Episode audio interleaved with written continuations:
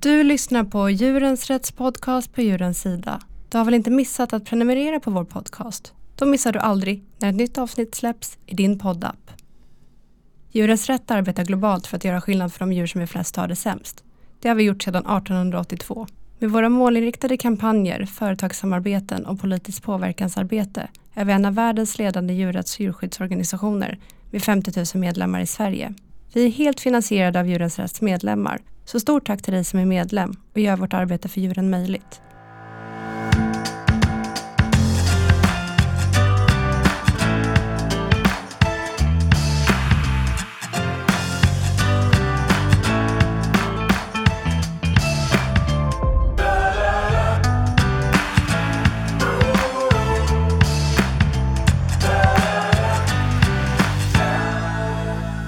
Välkomna tillbaka till ännu ett avsnitt av På djurens sida. Jag som pratar heter Linn Åkesson och arbetar som kommunikationschef för Djurens Rätt. Och idag har jag bjudit in min kollega Rebecka Johansson som är ansvarig för Velvego och dessutom utbildad nutritionist.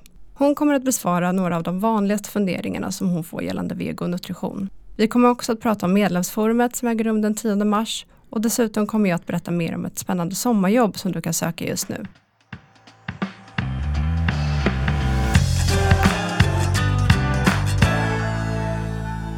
Ja, men hej och välkommen tillbaka till podden Rebecka. Hej, tack så mycket. Hur är läget med dig idag? Jo men det är bra med mig. Jag har varit sjuk ett tag så min röst är inte helt med mig men jag hoppas att jag kommer höras ändå. Men det gör du, det, det låter bra. Ja, fint. Ja, men vi hördes ju senast i podden eh, inför julen där. Mm. Har det hänt någonting nytt, spännande, kul i vegovärlden som du vill dela med dig av innan vi går in på dagens ämne? Ja, men det har ju varit väldigt många nya produktsläpp, speciellt i snacksvärlden. Jag har fått uppdatera den här chipslistan ganska frekvent nu under de första två månaderna på året. Och det har kommit en väldigt spännande eh, studie från Stockholm Resilience Center via Stockholms universitet där de har undersökt skillnaden mellan blandkost och eh, vegokost och tidigare har man ju mest kollat på så whole food som är baljväxter i sin rena form jämfört med, med kött och blandkost. Då. Men nu har man också jämfört med eh, köttsubstitut och eh, kollat så både ekonomi och eh, hälsa och hållbarhet. Och det man har kommit fram till är ju att eh, vego är ju bäst för ekonomin när man köper whole foods men det är faktiskt ganska on par nu med eh, kött när man jämför köttsubstitut med en blandkost också. Att det är inte mycket dyrare idag att köpa vegosubstitut som det har varit tidigare. Visserligen är all mat ganska dyr nu men det är i alla fall inte stor skillnad mellan dem.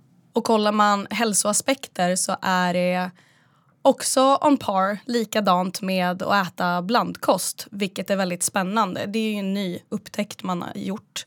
Och håller man på miljöaspekterna så är det ju alltid bäst att äta vego vare sig man äter whole foods, alltså baljväxter i sin renaste form, eller om man äter eh, köttsubstitut så är båda bättre än att äta animalisk kost. Så det är liksom, är du mån om din hälsa, din plånbok och miljön så är det bästa att äta vego.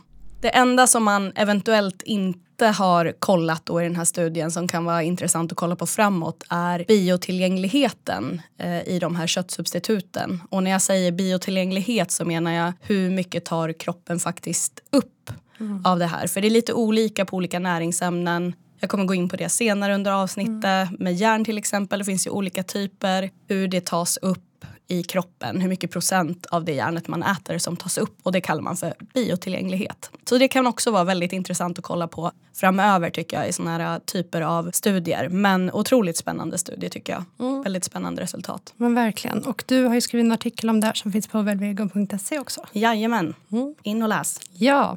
Men Rebecka, idag så har ju vi tänkt att fördjupa oss i de vanligaste frågorna som du får från konsumenter som handlar just om nutrition på en vegokost. Ja, exakt. Eh, och det här är inte alla frågor jag får men det är några som är väldigt så återkommande i alla fall. Och det är tre vanliga näringsämnen som jag kommer gå igenom idag. Och det är protein, järn och B12. När man pratar om nutrition eller också som det heter näringslära, så delar man upp näringsämnena på makro och på mikronivå. Och makronäringsämnen det är de näringsämnena som ger energi eller också kalorier som vi säger. Och det är fett, kolhydrater och protein. Och mikronäringsämnena det är de som behövs för att vi ska må bra och våra kroppar ska funka och det är vitaminer och mineraler. Och järn är en mineral och B12 är en vitamin. Ja, men om vi inledde med att eh, prata om protein då. Eh, och jag tänker att vi börjar med att reda ut egentligen så här, hur mycket protein behöver vi? Ja, den här frågan känns ju som den är väldigt återkommande. Det är väldigt många som är rädda för att inte få i sig tillräckligt mycket protein. Men om man kollar på hur det ser ut i Sverige så får nästan alla i sig mer protein än vad de faktiskt behöver eftersom protein finns i större eller mindre mängd i nästan all mat vi äter. Och proteinbehovet räknas per kilo kroppsvikt och du som är vuxen behöver 0,83 gram protein per kilo kroppsvikt per dag. Och det låter kanske lite diffust men om man tänker att man väger ungefär 70 kilo så behöver man ungefär 58 gram protein per dag. Och det är inte jättesvårt att kolla, komma upp i om man äter varierat. För den som tränar hårt så är proteinbehovet lite större. Livsmedelsverket påvisar att proteinbehovet hos elitidrottare kan vara så högt som mellan 1,4 till 1,8 gram per kilo kroppsvikt istället för den som jag sa tidigare 0,83 gram. Det kan låta mycket, men det är inte jättekrångligt att komma upp i de här mängderna eh, av protein eftersom när man tränar hårdare så ökar man också energiintaget. Man äter mer kalorier och då utgör proteinet ungefär lika stor andel av de totala kalorierna som det gör innan. Många som vill bygga muskler äter ju större mängder protein. Men att kroppen får i sig mer protein eh, än den faktiskt behöver leder inte automatiskt till att man bygger mer muskler. Istället om man äter protein eller äter för mycket protein så kan det användas som en energikälla och överskottet av energin lagras då in i kroppens fettreserv än att man bygger fler muskler. Ja, men jag vet att du också får en del frågor om just det här kvaliteten på proteinet. Att det skulle kanske vara bättre kvalitet på protein i animalier än i växtbaserat. Eh, vill du förklara vad som vad, vad menas där egentligen? Ja, absolut. Men friska personer som äter varierat och tillräckligt mycket mat, eh, alltså energi, behöver inte fundera på proteinkvaliteten. Utan så gott som alla får i sig det protein som man faktiskt behöver. Men när man pratar om kvaliteten så kan jag ju ta det från början lite så. Protein byggs upp av ungefär 20 aminosyror och nio av de här aminosyrorna är essentiella. Och vad man menar när man säger essentiell är att de är livsnödvändiga, alltså att vi måste äta dem för kroppen kan inte producera dem själv.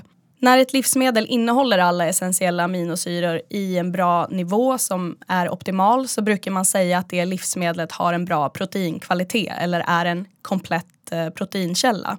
Och även om livsmedel från djurriket har en sån bra eh, proteinkvalitet så innehåller också livsmedel från växtriket nästan alla de här essentiella aminosyrorna i varierande mängder i olika livsmedel. Så genom att äta olika slags livsmedel från växtriket så kan du få i dig tillräckligt med essentiella aminosyror i en bra blandning, även utan att blanda in mat från djurriket.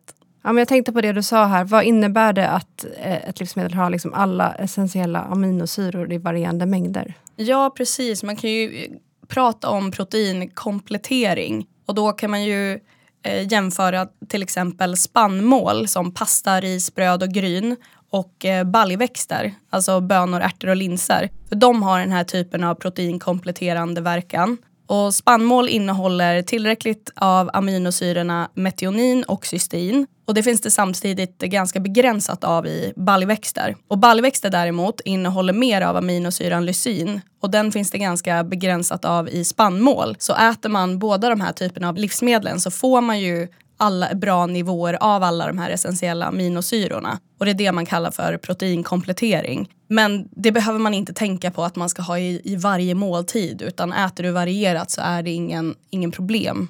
Så det viktigaste att få med sig är ju alltid helheten av kosten, inte enstaka måltider utan tänk ät varierat. Ät spannmål, ät baljväxter. Du behöver inte komplettera det i varje måltid utan blanda frukt, grönt, baljväxter, spannmål, allting så får du i dig eh, det proteiner du behöver och en bra proteinkvalitet.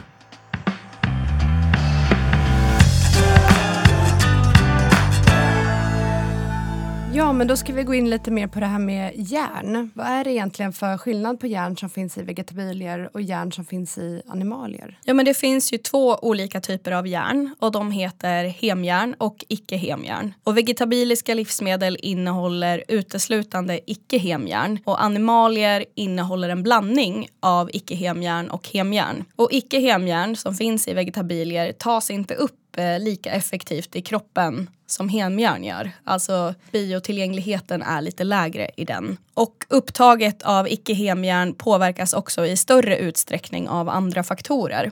Men man ska ha med sig att inte ens hemjärnet tas upp till 100 procent utan det är ungefär 25 procent av det som är biotillgängligt eller som kroppen tar upp. Och av icke-hemjärn brukar man räkna med mellan 5 till 15 procent upptag beroende på de här olika faktorerna som ökar och minskar upptaget av järn.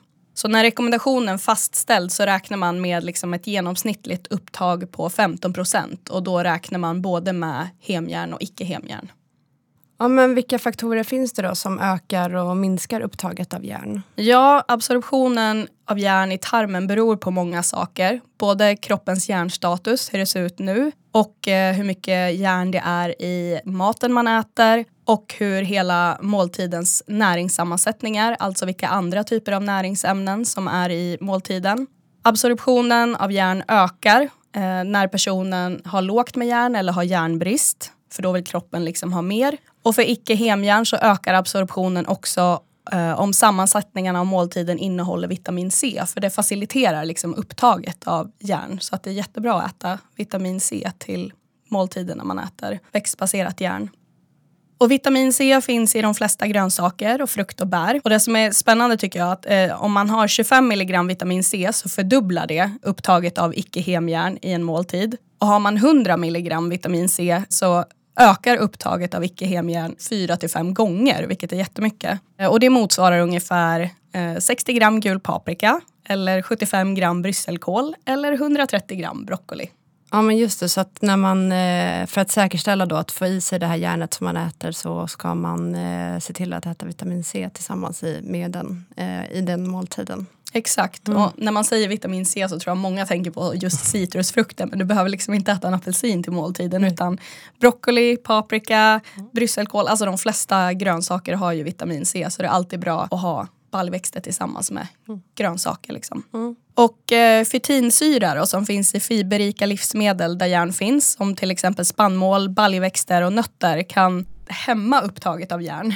Vilket är dumt. Det är ju väldigt bra liksom, livsmedel men kroppen är komplex. Men genom fermentering av fiberrika livsmedel så bryts den här fytinsyran ner till en viss del och då blir järnet mer tillgängligt. Och annat som hindrar upptag av järn är kalcium. Och det finns det ju rikligt av i komjölk och andra mejeriprodukter. Så om man jämför folk då som äter mer baljväxter som proteinkälla istället för ost då, som vissa lakto-vegetarianer ofta så fokuserar måltiden på så har ju veganerna där en fördel då med att järnet tas upp bättre eftersom kalcium kan hämma järnupptaget. Men jag har hört att eh, kvinnor behöver få i sig dubbelt så mycket järn som män. Stämmer det och i så fall varför är det så? Ja, det stämmer. För unga tjejer och kvinnor är järn extra viktigt eftersom när de menstruerar så behöver man mer järn än vad män gör eftersom man tappar ganska mycket järn då. Och rekommenderat intag av järn per dag för kvinnor i fertil ålder är 15 milligram på dag och för övriga vuxna är det 9 milligram per dag. Så därför är det extra viktigt för kvinnor i fertil ålder att välja livsmedel som innehåller mycket järn. Ja men just det. Och eh, vilka typer av livsmedel som innehåller mycket järn kommer vi gå in på eh, senare.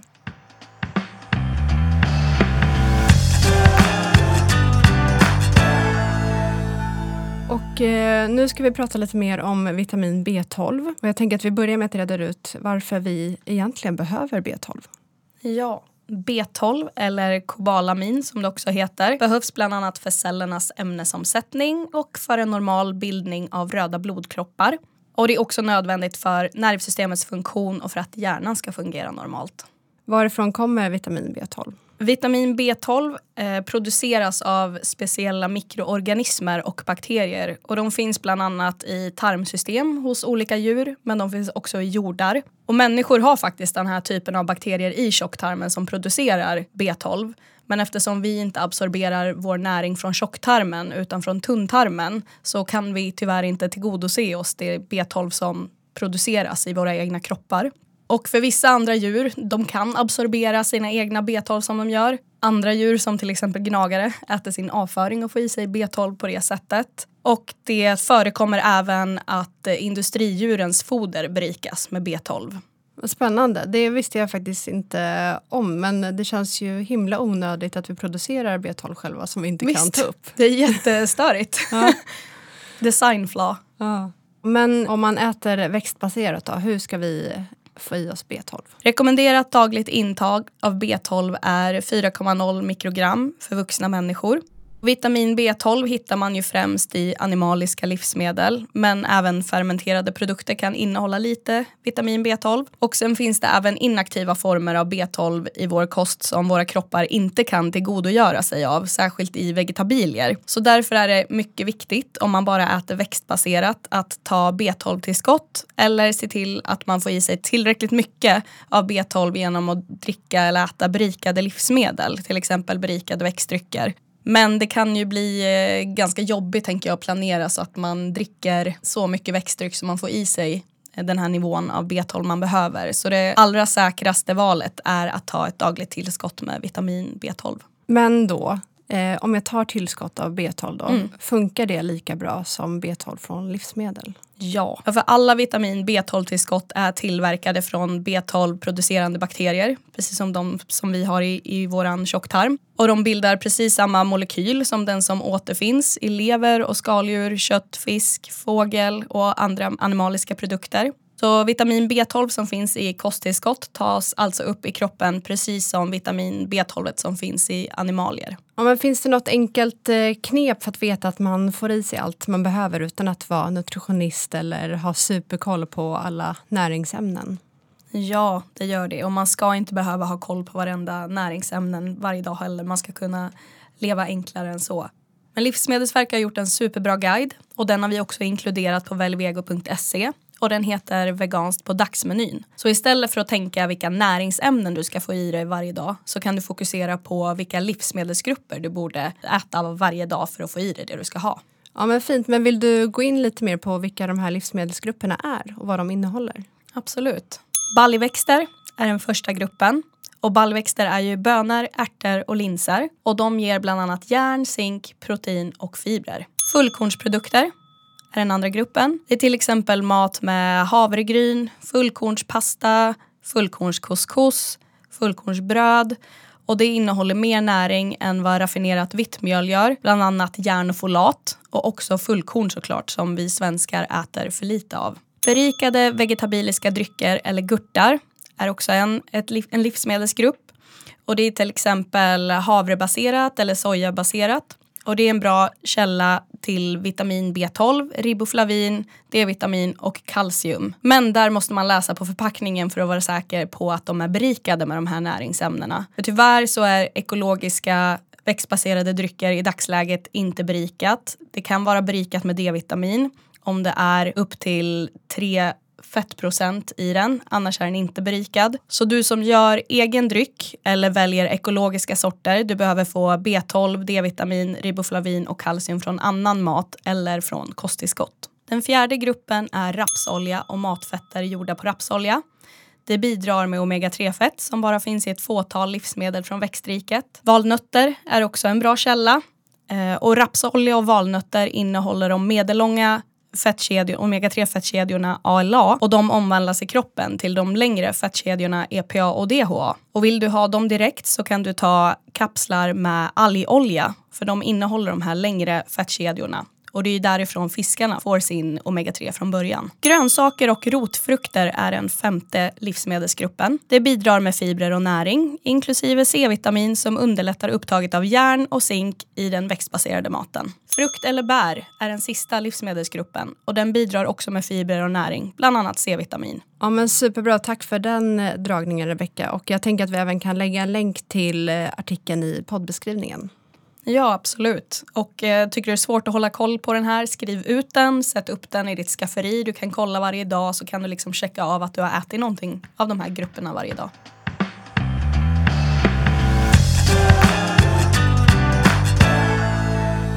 Ja, men innan jag låter dig gå Rebecka så tänker jag att vi kan ju inte inte prata om appen. Så att jag tänker att eh, sen sist vi pratade där inför julen då, så har Mm. det hänt lite nytt med appen. Vill du berätta? Ja, precis. Det första som kom ut var ju Testa Vego i 28 dagar och den ligger kvar fortfarande för den som vill hoppa på den. Den ligger liksom kvar där jämt. Och sist jag var här så pratade vi om våran adventskalender. Och nu har vi fått en ny feature i appen och det är att man kan skapa egna utmaningar. Och då kan man liksom välja själv hur lång vill man att utmaningen ska vara? Vilka måltider vill man ändra? Vill man ändra frukost? Vill man ändra lunch? Vill man ändra middag? Man kan välja liksom själv. Man kan välja hur ofta, om man vill göra det varje dag eller varannan dag. Du är liksom fritt att skapa dina egna, vad de heter och allting. Och du kan välja att göra den själv, men du kan också välja att bjuda in kompisar till att göra den utmaningen med dig. Så det är ju en jätterolig grej man kan göra i appen. Plus att den funkar jättebra som receptbank om du bara vill gå in och kolla recept. Ja men verkligen. Ja, men det är väl ett ypperligt tillfälle om man vill liksom utmana kanske någon eh, fam i familjen eller sina vänner att, eh, att starta en egen utmaning. Mm. Och den ligger inne nu i, i appen helt enkelt. Ja, det är bara att gå in och testa. Ja, det, det är ju nytt sen sist då. Men sen vet jag att det även lite andra grejer på gång till våren. Mm. Eh, vill du berätta? Vad är det mer du sitter och jobbar på nu med appen? Ja, alltså jag vill inte avslöja för mycket men det kommer ju upp en högtid snart, påsk. Så att eh, ladda ner appen om du inte har gjort det än och håll utkik inför påsken. Men något som också är snart är ju att att eh, du kommer att eh, medverka på vårens medlemsforum som eh, arrangeras för Djurens Rätts medlemmar då, den 10 mars. Vill du avslöja vad du kommer att prata om där? Men jag kommer prata om hur en liten djupdyk i Velvego, hur vi jobbar och hur vi får fler människor att välja vego helt enkelt.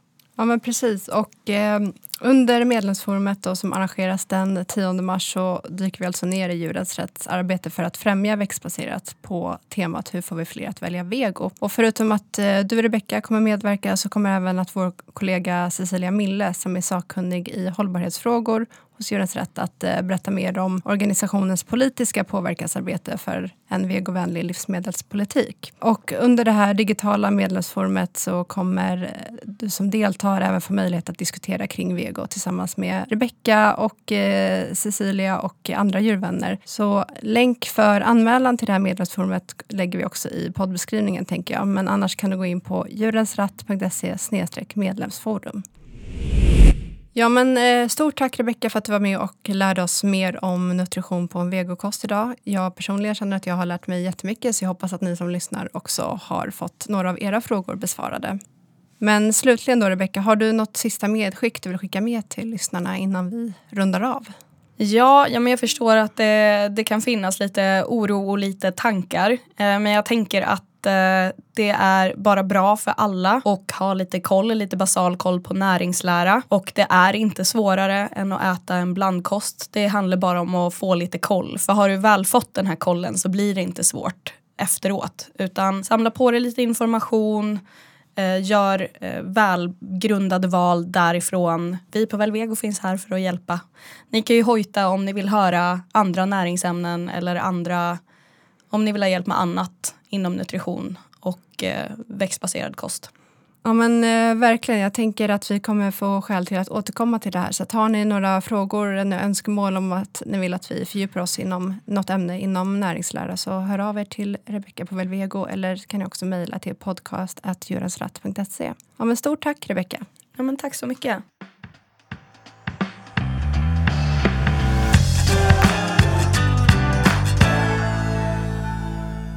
Letar du efter ett roligt sommarjobb och vill samtidigt sprida budskapet för djuren? Nu söker vi turnécoacher till Djurens Rätts årliga sommarturné. Varje sommar sedan 2006 åker Djurens Rätt på turné genom Sverige för att sprida budskapet om djurs rättigheter. Vi besöker gator och torg, marknader, stadsfester och festivaler runt om i Sverige för att förändra för de djur som är flest har det sämst. Och I år så finns det fyra tjänster som du nu kan söka. Tre tjänster för turnécoach för vår svenska sommarturné och eh, tjänsten kommer då att utgå från Stockholm, Göteborg eller Malmö. Och sen har vi också en tjänst som turnécoach under vår Europaturné. Tjänsten sträcker sig från maj till oktober. Låter det som det perfekta sommarjobbet för dig? Läs mer och skicka in din ansökan genom länkarna i poddbeskrivningen. Och jag vill poängtera att sista ansökningsdag är 25 februari, så se till att söka redan idag. Det var allt vi hade att bjuda på idag. Gillar du vår podcast så se till att du prenumererar på podden. Då missar du aldrig när ett nytt avsnitt släpps i din poddapp.